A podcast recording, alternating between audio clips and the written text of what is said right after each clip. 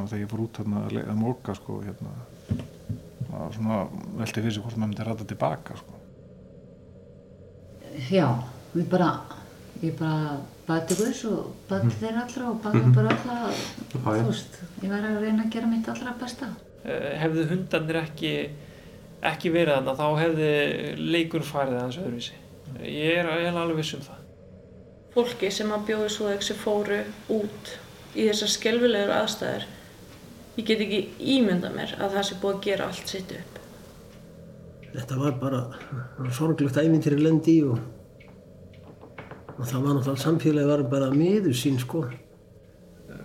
Við segjum nú gjarnan svona bæði grín og alvöru að áfalla hjálpar hugtæki var fundið upp 95 sko.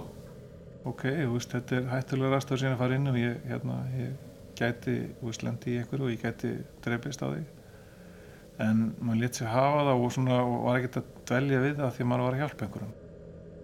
Sko Súðavík er ekkert eins og Súðavík var og verður það aldrei sko. Og með vindinum kemur kvíðin Út er kólsvart hríðin Og fjallið það öskrar Svo fellur öll líðin. Og húsin þau hverf í kófið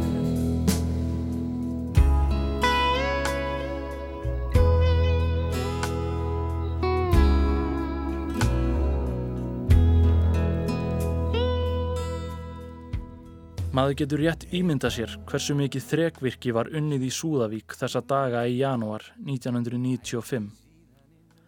Björgunar aðilar börðust við náttúruöflin, leitandi að heima fólki í aftaka veðri sem virtist engan endi ætlað að taka. Einn af þeim sem stóð í ströngu á þessum tíma var Röggvaldur Ólafsson, lauruglumadur hjá lauruglunni á Ísafyrði. ég veit ekki hvað þetta mörg hendur eða þúsund tonna af, af snjó sem voru þarna sem þurfti bara handmoka til til þess að finna fólk og það er einni fáar vísbendingar en ef þú finnir eitthvað sem að getur tengt við Sveinarbergi í einhverju húsinu og getur eld þá slóð eitthvað annars varst, varstu bara eiginlega hálpartin að þreyfa fyrir þér í myrkun og tala um ekki með svo veðri var, það var þreyfandi bílur.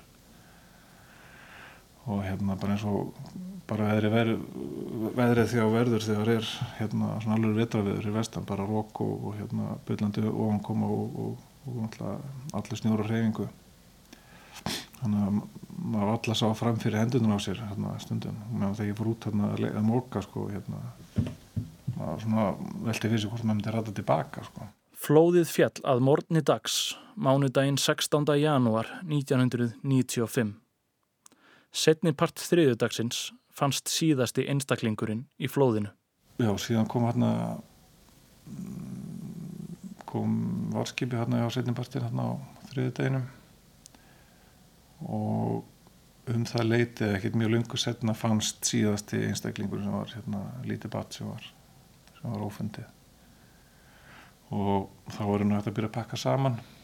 Og þá var henni fekk ég henni eða sérst val hvort ég vildi þá fara tilbaka eða hvort ég vildi vera áfram. Af því að hlýðinu náttúrulega ætla að vera áfram að hann þurfti að, að veit með sér. Uh, og ég valdi að vera áfram ég gæti ekki hugsað mér að fara aftur svona, svona sjóferð, það var bara ekki séns. Og líka eins og þessi ungu mönnum maður ætla að vera sem aksjón niður og maður finnst maður að gera eitthvað gagn og hjálpa til og hérna. Þannig ég gæti heldur ekki hugsað mér að fara út af því. Þó ég ætti nú náttúrulega fjölskyld heim og, og bara mánaða gamla dóttur. Er eitthvað neginn vildi maður samt freka vera þarna. Og bara fljóðlega eftir linu kom þá var bara að fara bara beint í það sem heitir líkskoðun. Og það því að það náttúrulega það þarf að staðfesta hver er hvað og, og sérst, hver er actually látnir og, og, og hérna að við fórum í það verkefni. Uh, og það er svolítið tímafrekt að það var að taka hvern og einn einstakling og þetta voru hvað 14 einstaklingar. Það er hérna að fara í gegnum hvern og einn og lýsa þú veist, fatnaði þú veist, aldur, hæð hérna, útlitt og í, þú veist, í hvað fatnaði við komum að vera ef við komum að vera fatnaði og svo framvegis ég man ekki ég, bara tímaskinnið er eitt af því svona fyrsta sem fer en þetta tók drjúan tíma það voru bara tveir að gara í þessu. Og hérna uh, og náttúrulega þegar vorum að, að fara í þetta verkefni og hérna veist, það var náttúrulega allt á fullum allir björgunumenn inn í húsinu og, og hérna og og hérna íbúðunir sem ennþá voru á sveðinu og svona. Þannig að var alveg bara, já, allt full, allt fullu þarna við fórum í þetta verkefni alltaf annars þær í húsinu og bara eins og ég tveir og hérna og meðan mannið þegar kom tilbaka hérna hvað var skrítið það var svona bara dauð og þegn og bara að því vildin og bara tæmtist húsið. Og mm, já þannig að þetta var svona svolítið sérstakt. Og þá búin að finna sér eitthvað náttstað því maður hefur nekkit sofið þannig að nefnum bara svona, sest ykkur stól og dotta sko að hérna það að finna einhvern stað til að sofa á og hérna og við tókum bara skrifstofu sem var á næri hæðinni, hotskrifstofu hérna sem að vantarlega framkvæmda stjórn hefur setið. Þannig það var sofasett og, og svona tveir leðustólar e, og var eilingin aðstæð náttúrulega neðra henni var bara vinslu salur og eitthvað svona þannig aðstæð og, en fræðilega sér var náttúrulega snjóflá hægt ennþá og, og hérna og náttúrulega vera á efri hæðinu var kannski gott en þetta var alveg fjärst hlýðinu þannig að við töldum okkur verið örguð þar og þetta var líka eina herbyggið húsuna sem voru með fjarskipti að því að þannig þurftum heimlega að vera þar til þess að geta að vera þetta ná í okkur eða er eitthvað við þurftum líka að koma ykkur frá okkur. Gæti ég samt ekki hugsað mér að, að, reyna að hátta mig og hérna svo þannig hann búin að sá alveg hvernig fólki lit út sem að er verið, verið þannig í, í hérna að ég ætla ekki að finnast ef að kemur enn á snjóflóð mm. á okkur, þannig að ég ætla allavega að vera klættur og hérna, já. Þið skráðu niður já, þess að þess að maður letust já. er síðan fengnir hvað íbúar til þess að bara kennsl eða? Já, við fengum hérna sérst, það er einn ein heimamennskja hún hérna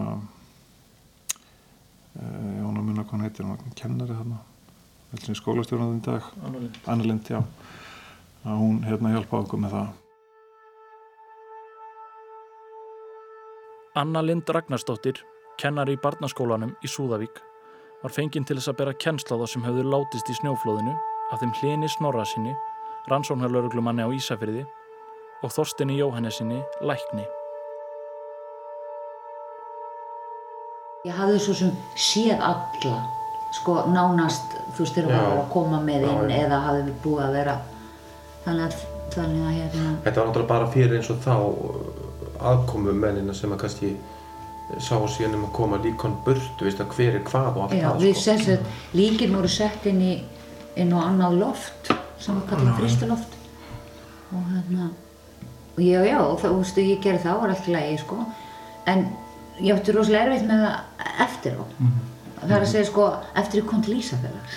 Því þurfti að vera, fara út til að því við, að, við ætlum að setja upp skóla í, í fengum húsmæraskólan og hérna, þá, sem sagt, og þá var ég á, á uh, fyrst var ég upp í, hvað heitir fallega húsið þarna litla og leiðin upp á bæjabrekkunni, alveg við hlýðina litla Soltún Súltún, já. Sem sagt, Elvar bróður og Anna þau voru þar. Og ég fikk, var það hjá þeim nýri herbyggi í kjallaranum. Og þá hrundi eitthvað að þakjanu sko. Og ég gæti ekki verið í kjallaranum, það var ekki, sko, var ekki, ég sá ekki, gæti ekki fylgst með og eitthvað. Þannig að þá fór ég á hótelið en þá, ég átti svolítið erfitt með, eða sko svona, já, við bara, ég bara bæti Guðs og bæti þeir allra og bæti bara allra, Já, þú veist, ég var að reyna að gera mitt allra besta. 14 einstaklingar létust í flóðinu, fullornir og börn.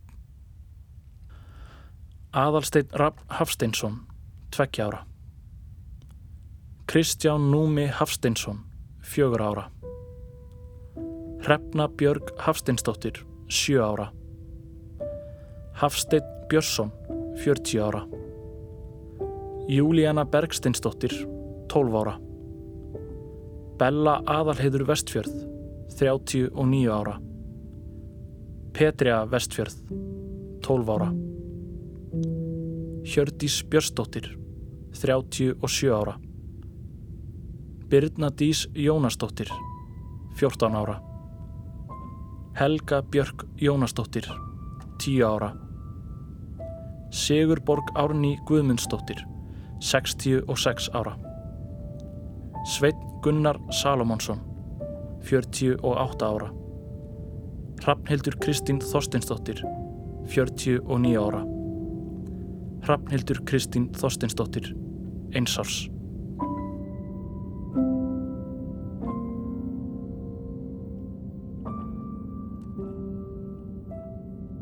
Hvílík ósköp hafi ekki gengið yfir þetta blessaða fólk sem búið hefur í Súðavík.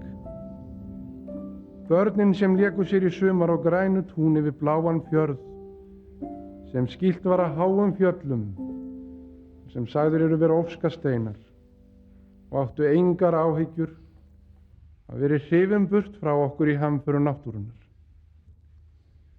Dugmiklar manneskjur sem hafa unnið hörðum höndum að framleiðslu verðmæta fyrir þjóðabúið hafa látið líf sitt.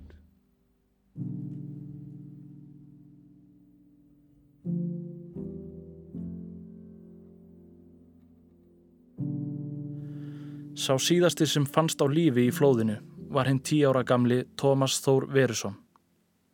Hann er samfariður um að leikurinn hefði farið öðruvísi ef ekki hefði verið fyrir leitarhundana sem sönnuðu mikilvægi sitt þessa örlaðaríku daga.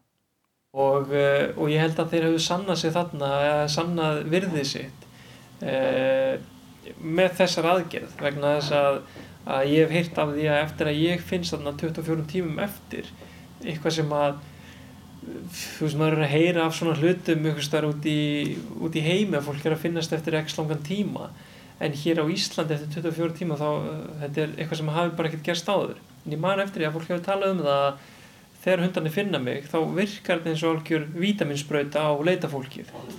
Fólk sem er búið að, já, búið að slá svolítið í það og svolítið af því e, allt í einu er það bara tilbúið aftur.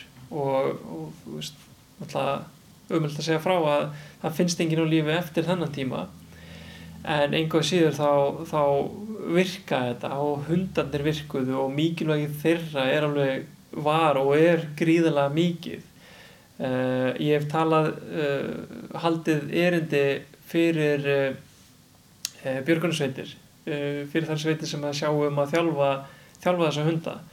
Og bæði að, að fá að sjá starfi þeirra og geta, geta sagt frá minni reynslu veist, þetta samstarfan á milli er alveg gífulega mikilvæg vegna þess að sveitamenn hafa sagt um mig að, að í mjög mörgum tilfellum þá fá þessir hundar aldrei að sjá neitt aksjón þannig séð vegna þess að slísin á Íslandi þau eru hlutfalslega mjög fá þannig að fá að, að taka þátt í svona aðgerð eða þá að heyra af fyrstu reynslu hvernig þetta virkaði er náttúrulega bara alveg ómyndarlegt mm. þannig að já, ég, en ég held að jú, hefðu hundarnir ekki ekki verið þannig þá hefði leikur farið aðeins öðruvísi mm. ég er, er alveg viss um það Vist, ég hef séð myndir frá þessum tíma og, og, og, og þarna, frá ljósmyndirum sem á voru bæði bladaljósmyndirar og heimafinn sem á tóku myndir. Og mér finnst bara óskiljanlegt að þú skulle finna einhvern hvað þá einhverja hluti í bara hrúðu af drasli. Það er bara, ég fatt það ekki. Móðir Tómasar sá sér ekki fært að búa í Súðavík eftir flóðið. Mæðgininn fluttu söður til Reykjavíkur ákvörðin sem Tómas skilur en hann ber samt sem áður sterkar taugar til síns gamla heimabæjar. Hvernig er núna, hefur þú farið átt í súða ykkur eftir þetta og hvernig svona hugsaðu til þíns uh, gamla heimabæjar? Já, ég fer reglulega vestur og allavega einu svona ári, það er mjög mikilvægt að kíkja vestur. Uh, ég fór ekki, fór ekki mikið þarna fyrsta árin og ég held ég að byrja svona að fara af alvöru aftur svona upp á 2006-2007 eh, og ég eh, ber náttúrulega mjög sterkar taugar vestur og eh, í mínum draumaheimi þá ætti ég heima þar í dag og, og væri bara að vinna og, og byggja þar. Eh, þannig að taugarnar eru mjög sterkar þánga og ég sé alveg fyrir mér að ég mun einhvern tíman búa þar aftur alveg klála eh, ég ber engan kala til þeirra atbyrða sem að gerðust vegna þess að í mínum huga þá gerðust þeir og þetta var ekki að manna völdum eh, þetta eru náttúru hamfarir þetta eru hluti sem að þeir gerast á einn eða annan hátt. Þannig að uh, ég get ekki haldið í í reyði út í það sem að gerðist. Maður bara lítur svolítið fram á við. En alveg klárlega þá byrja mjög sterkar taugarangað og, og þannig að já, einhver tíman þá myndi ég sjá alveg fyrir mér að ég myndi byggja hann aftur Hvernig var það á þessum tíma, þú eru hvað, tíu ára gammal? Já. Uh, hvernig er það að þú eru allt í einu að já, yfirgefa heimabæsin í kjölfar svona náttúruhamfara? Uh, það var mjög sérstakt af vissu leiti uh, og, uh, og náttúrulega bara mjög óvænt en hins vegar þá fekk ég svo sem ekkert mikið um það ráðið þá var mamma mín hún, hún ákvað það að við myndum flytja og, uh, og sem ég skil bara áskup vel hún svo sem sá ekki fyrir sér að geta búið þarna mikið lengur uh, þannig að ég bara tók því og, og, og við flutum söður þannig að í raun og veru hafði ég svo sem ekkert mikið um það að segja ég var líka bara það lítill. En, uh, en það voru mikil viðbreyði að koma hinga sér söður Tókst þér alveg vel að aðlæðast bara uh, breyttum aðstæðum hér fyrir sunnan og Já, já, uh, já, já, það sem gekk alveg ágætlega. Ég, uh, það var búið að undirbúa svona þannig sé komið mína í skólan, í Hjallaskóli í Kópói. Þannig að uh, það gekk alveg vel og, og maður er náttúrulega bara lítill þannig að maður eignast fljótt vini og, og það var fullt að krökkum í stegaganginum í blokkinni og, og allt þetta. Þannig að það gekk, já, það gekk þannig sé áfallalaust.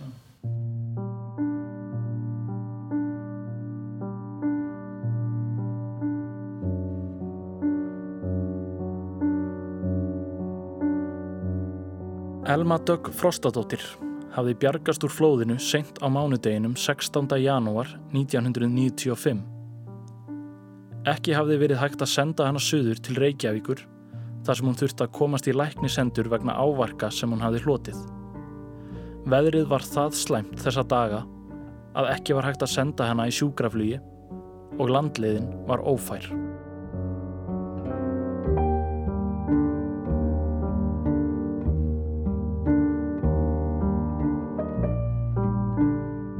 Svo loksins rofaði til á fimmtudegi þannig að var eftir að senda mig til Reykjavíkur sjúkravel.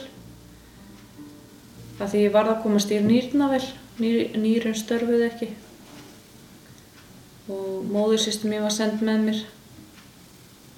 Og hérna, og ég var náttúrulega að fóða beint.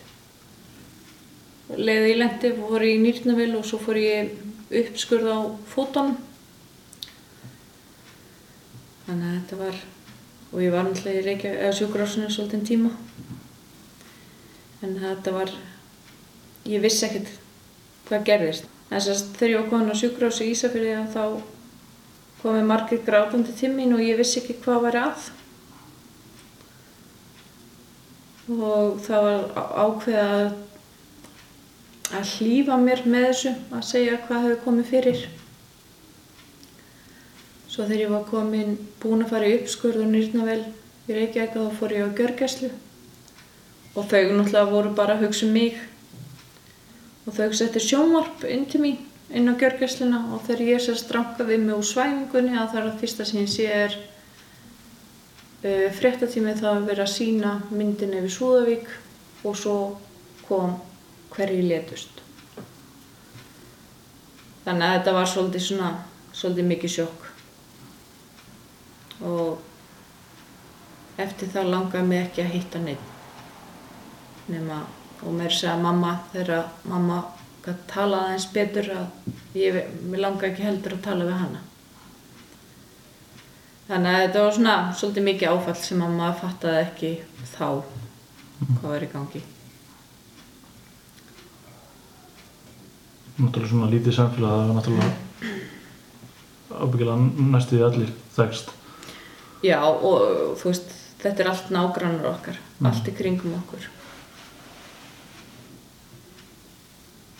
og ég var náttúrulega eins og ég segi, ég var 14 ára og ég hef lifað allt mitt líf þangar til fyrir stuttu í lífa með saminskupiti að ég og fóreldra mínir lifðum um allir aðri í kringum okkur dói.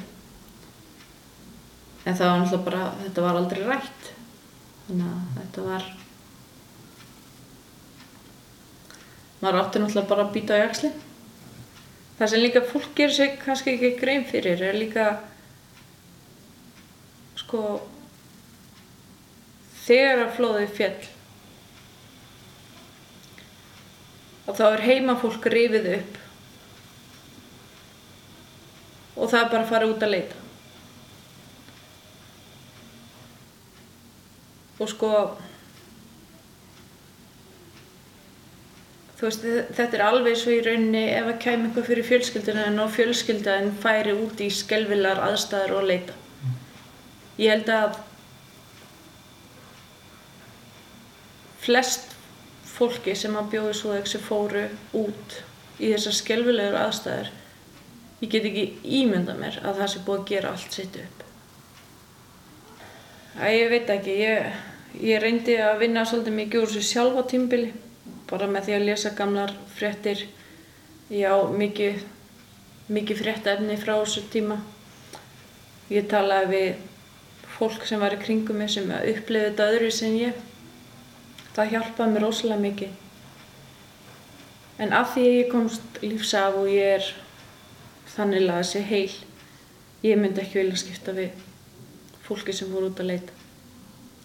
Því sömur fundu nágrann sinn eða litla frænda sinn eða ég bara, ég get ekki ímynda með þessu aðstæður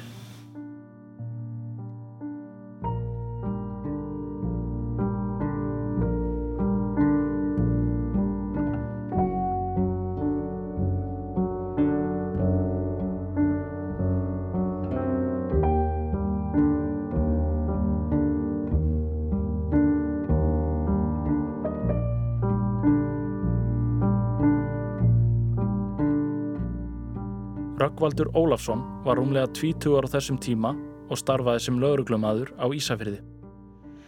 Böðist ykkur áfallahjálp á þessum tíma eða?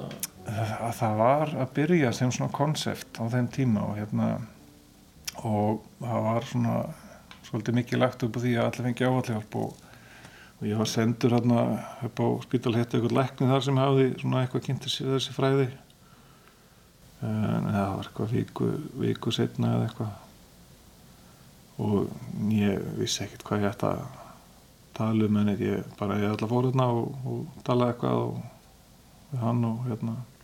En ég held að mesta áfatihjálpin sem að hérna og besta sem ég hef fengið eða þess að það hef bara verið félagarnir að hérna að svona geta að tala um þetta bara veist, á vakturundlega vorum síðan við alltaf þetta er fólk sem er að vinna með þétt saman og hérna og vorum að vinna saman sumir hérna nokkur ára eftir þetta og hjálpaði líka þegar snjóflána flatir voru þannig að meira meina sama fólki sem að væri því verkefni. Þannig að ég held að kannski aðalega þannig en að stiðja hvern annan bara svo leiðis mm -hmm. en ég finn þetta ekkert sem ég er fastur í sko. Þetta bara kemur bara svona á og til sem að svona eitthvað svona minningabrót og líka ef það er eitthvað eins og núna og veist, við erum komið viðtal og fyrir svona alltaf þegar maður þetta upp og svona hugsa um þetta en, en eins og sé ég svona, þetta kannski hjálpa mér líka bara að vera í þessum bransa hérna, að, hvað ég er einnig fljótur að gleyma.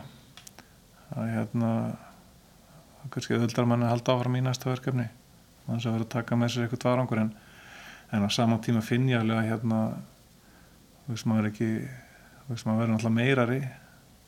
Aldrei nú eitthvað sem spilaði enni og líka kannski meðvitaður um svona hvað maður gera því að það var að við upp um daginn út á öðru og hérna rauninu, þessi, öll þessi skipti sem ég hafi verið rauninni í lífsættu e, og, og það var eitthvað sem maður bara þú veist maður vissi það alveg ok, þú veist þetta er hættulega rastur síðan að fara inn og ég, hérna, ég gæti lendi í einhverju og ég gæti dreipist á því.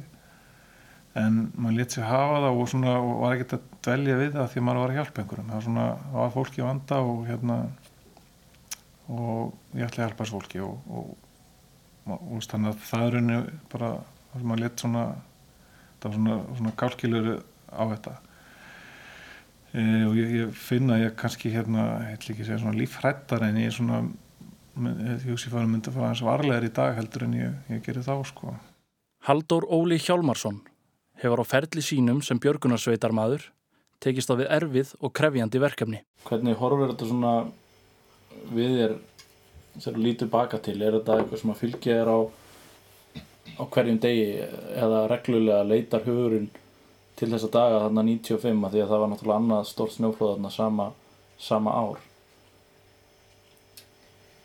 Já, já, það, það breyttist allt.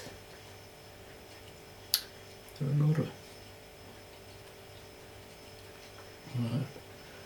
Horfir öðrum augum á lífið eftir og hlætti svona.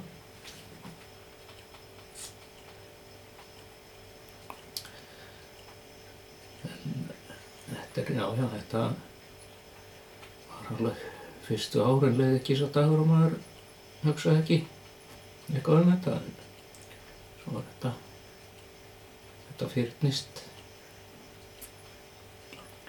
svo kemur svona eins og flóðuð á flattiri aftur. Það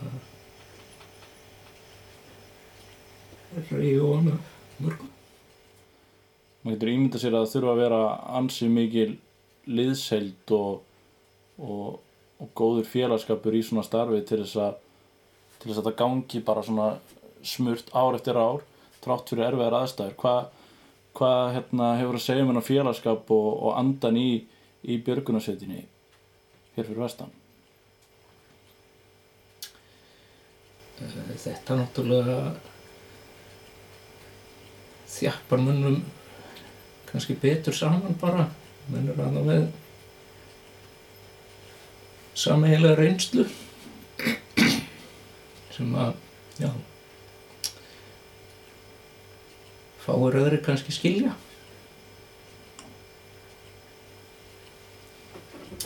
en já, já, þetta er svo er en náttúrulega líka sem við lendum í að það voru menn svona sem að sem að hérna smá sem hann dróði sér til hlýðar og, og hurfu út úr þessu eftir þetta. Jóhann Torótsen á að baki margra ára reynslu sem sálfræðingur, meðal annars hjá Rauðakrossinum. Sérstakt áhuga svið Jóhanns er meðferð við afleiðingum hvers konar áfalla, auk þess að veita áfallahjálp strax í kjölfar alvarlegra atbyrða. Hjá Rauðakrossinum skipulaði hann og syndi áfallahjálp og sálrænum stuðningi í kjölfar náttúruhamfara. Við segjum nú gerðnan svona bæði grín og alvöru að áfallahjálpar hugtæki var fundið upp 95 sko. Það var geð hjóknafræðingur sem heitir Rudolf og konan hans sem að, eða var konan hans sem er geðlæknir. Og þau voru farin að sko einhverjum árum áður að ræða þessi mál hérna fyrir sunnan. Og, og vera með sko bæði fagfólk og eins einhverja björgunarsveitir að, að spjallum þetta sko. Um, en þetta stóð á frekar á bröðfótum sko en þú veist svona eins og, eins og flóðin sko samfélagslega áföll þau sko þú veist allþjóða heilbjörnsmálstofnunu segir sko að það er tíu ára eftirfylgd. Ja, alltaf því sko.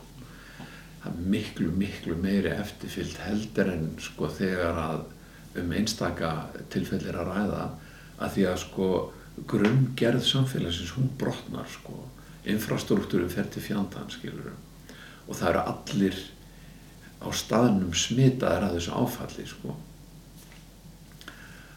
Og þar að leiðandi þá er svo mikilvægt að það komi einhver aðstóð jafnvel utanfrá til að, að taka á þessu en í algjörli takt við íbúa sko. Það sem gerðist fyrir vestan þarna 95 var að það rundust fullt af einhverjum einhverju sasfólki að sunnan og svo þau bara nú tökum við yfir mm. og það er, þá maður ekki að gera sko. ég veit að nokkri læknar á sjúkrahúsinu sko eins og fyrir þeir bara máttu í fleiri fleiri ári ekki eina minnst á áfallahjálp því að þeim var bara ítt upp að veggjónum og svo komu sérfræðingarnir sko mm. og það gerir maður ekki sko eða þau hefur lært allavega í dag sko. Hvernig er það eins og já, þetta mikla snjóflóða 95 uh, hvað hefur gerst í kjölfari svona, hefur þetta verið rannsaka mikið uh, svona afleðingar sem flóðs á á íbúana? Já, töluvert sko. Og það eru til, en það er ekkert rosalega mikið, en það eru til sko rannsóknir. Og uh, það er náttúrulega koma fram svona staðreindir eins og sko alveg rosalega hátt hlutfall íbúa með áfallastreitu og ég vil áfallastreitu röskun sko.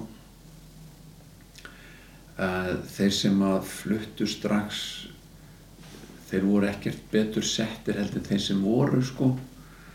Og sumir veit ég sögðu sko það okkur fannst betra að vera kjur og takast á við uppbygginguna. Því þá, þá, þá svona maður var svona svolítið að spasla upp í sprungurnar sko.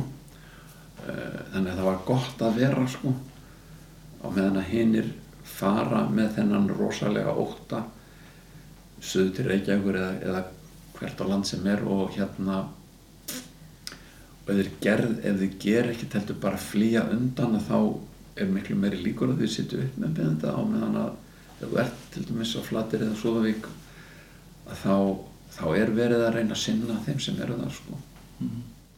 Jóhann hafði ferðast á milli Reykjavíkur og Ísafjörðar í rúm 18 ár og bauð upp á sálfræði meðferð fyrir þá íbúa svæðisins sem það vildu. Ég er nú hættur að fara vestur, ég fór síðustu ferðina núna bara í, í, í janúar sko. Ég er búin að fara þannig 18 ár þannig að ég þótti það að vera bara gott. Uh, en sko ég var alltaf að annars lægið að hitta einhvern frá Súðavík eða Flateri eða björgunarsveitónum eða löggunni og þessu sem að koma að þessu og það var ekki þannig að sko fólk væri þú veist illa, illa á sig komið en, en sko þetta var þarna alveg sko sem mjög fersk minning og í sumum tilfellum svolítið slæma því að uh, þegar snjólinn kemur þá fer ég alltaf að anda hraðar eða að vera í dabur eða döpur. Og kannski sérstaklega náttúrulega fólk sem að misti eða lendi og kafi inn í þessu flóðum.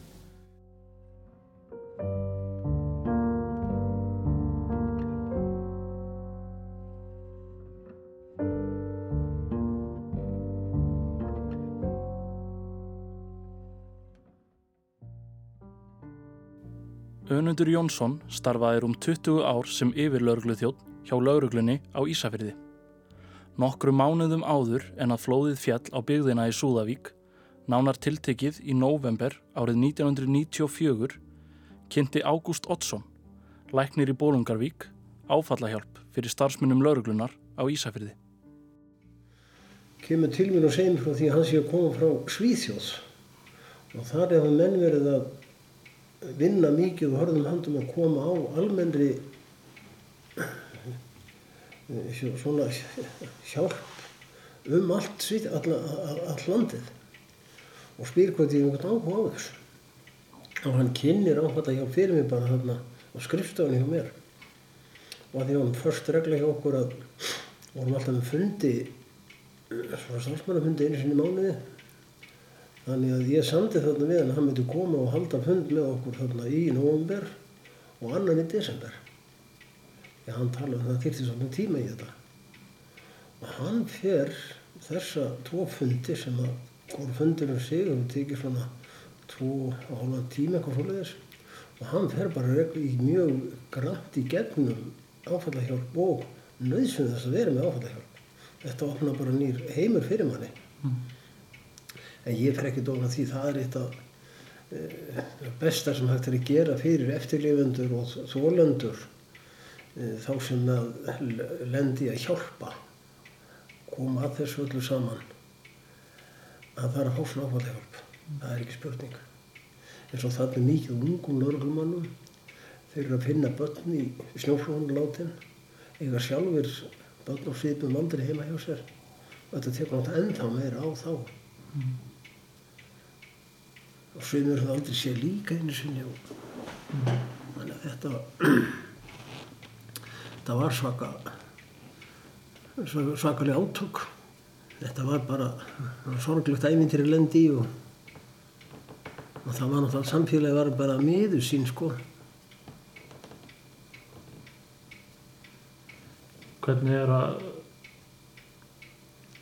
þegar kemur að þessari dagsinningu ár eftir ár uh, er alltaf kemur þetta oft upp í hugan Já, sem maður sér bara í fréttum uh, hörmungar erlendis frá, vassflóð, skriðuföll, lir, ég tala ekki um þar sem að fólk grefst, grefst í, í hérna auður og þetta eins og það sem gerist á seyðisfyrir núna. Þetta kemur alltaf hreint upp í hugum og maður rifjar upp þessar stundir alveg hreint og að hjá mér sko var það stærsti hlutin í mínu var að vera skítrættur um það að fá hringingu um það að lauruglumennir hefðu í einhverju. Maður hefði aftur út í einhvað sem að maður hefði gátt að gera sko. Það var það sem að var svona einn að hrættastur um að myndi gera sem að hvað mest fyrir því um ef það ef svona síndal kæmi sko. Því það var þarna bara nokkrum árum áður sem að hvað var sex árum áður, áður sem að fórust eh, hérna lauruglumenn í snjóflóði þarna. Það var einn lauruglumadur og annar í óslíðinni þeir voru bara liðið til vinnu sko.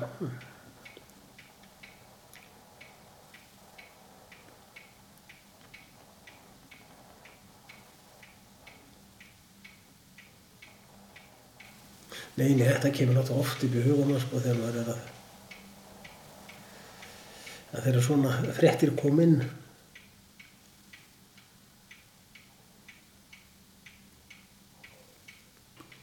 myndur þú segja að árið 1995 væri það erfiðasta Já, langsarlega, alveg rétt bara. Það er ekki spurning, sko, maður rétt að rétt úr kútnum þegar að grímur hringir aftur í mig. Þess með nótt og segir að nú hafa fættið snjóflóð á byggðina á Flateyri. Og þá var maður bara ennþá, sko, þá eiginlega skildi mig miklu meira hvað gæti verið í húfi, sko. Anna Lind Ragnarsdóttir og Garðar Sigurgjersson ákváðu að búa áfram í Súðavík eftir að flóðið hafði fallið. Þar tóku þau þátt í uppbyggingu nýju byggðarinnar í Súðavík og ólu þar upp þrjú börn. Ég held sko, veist, að, fara í gegnum svona, veist, atburð, auðvitað náttúrulega eru við öll misjöfn fólki skilur og náttúrulega sá það þarna, veist, hverjir svona voru kannski sterkir og áttu frekar, já ekki auðvelt með það en svona uh, og aðrir sem áttu mjög erfitt með þetta sko. Ég held að við hjálpa til dæmis okkur, að það var mér þá, að við náttúrulega missum engan nákomin, ættingja eða veist, fóröldar sískin eitthvað slíkt eða mér finnst það að hjálpa allavega mér sko, veist, maður hafði þá ekki það að hugsa um veist, á meðan maður var í þessu öllu þessu aksjón sko. Ég, þannig að maður getur ekki alveg sett sig kannski inn í það veist, hvernig það fólk uh, fór í gegnum þetta sko. en nú auðvitað voru allt vinur okkar og nágrannar sko. Já, ég meina það eru já, já. Í skólanum alveg, Já, já. Þú veist, og litla barni, yngsta barni sem deyr, já, við erum pössuðum hann í þrjár vikur Já, já. um sumarið, skiljum. Við tengist allir bara því að Já. Já, já, það- Já, já, já. algjörlega, sko. og allir þekktu alla og, og allir vinir og allt svoleiði sko. Já, En svona eftir þetta samfélagi Súðavík og bara að búa hér áfram eftir þetta áfall. Mhm. Þið er náttúrulega búin að alveg börnina það. Hvernig, hvað finnst ykkur um Súðavík og hvernig er að búa hérna eh, eftir þetta áfall og fyrir þetta áfall? mhm, Sko náttúrulega fyrir þetta áfall þá náttúrulega er bara súðauk eins og kannski hvert annað svona sjáaþorp og mikið um að vera og, og allt í kringu það sko. Og eftir þetta þa- þá svo sem fyrst á eftir heldur þetta svolítið áfram bara eins og þetta var. Og meira segja sko það flutti hinga fólk gamli súðvíkingar sem hefðu sterkar taugar og vildi bara taka þátt í þessu að byggja þetta upp sko. Og, og það gekk eh, bara mjög vel kannski fyrstu tvö árin meðan allir voru í aksjón byggja húsið sitt og allt þetta sko að koma þessi stað. En svo fannst mér sko svo kom hérna eila tómarúmið sko.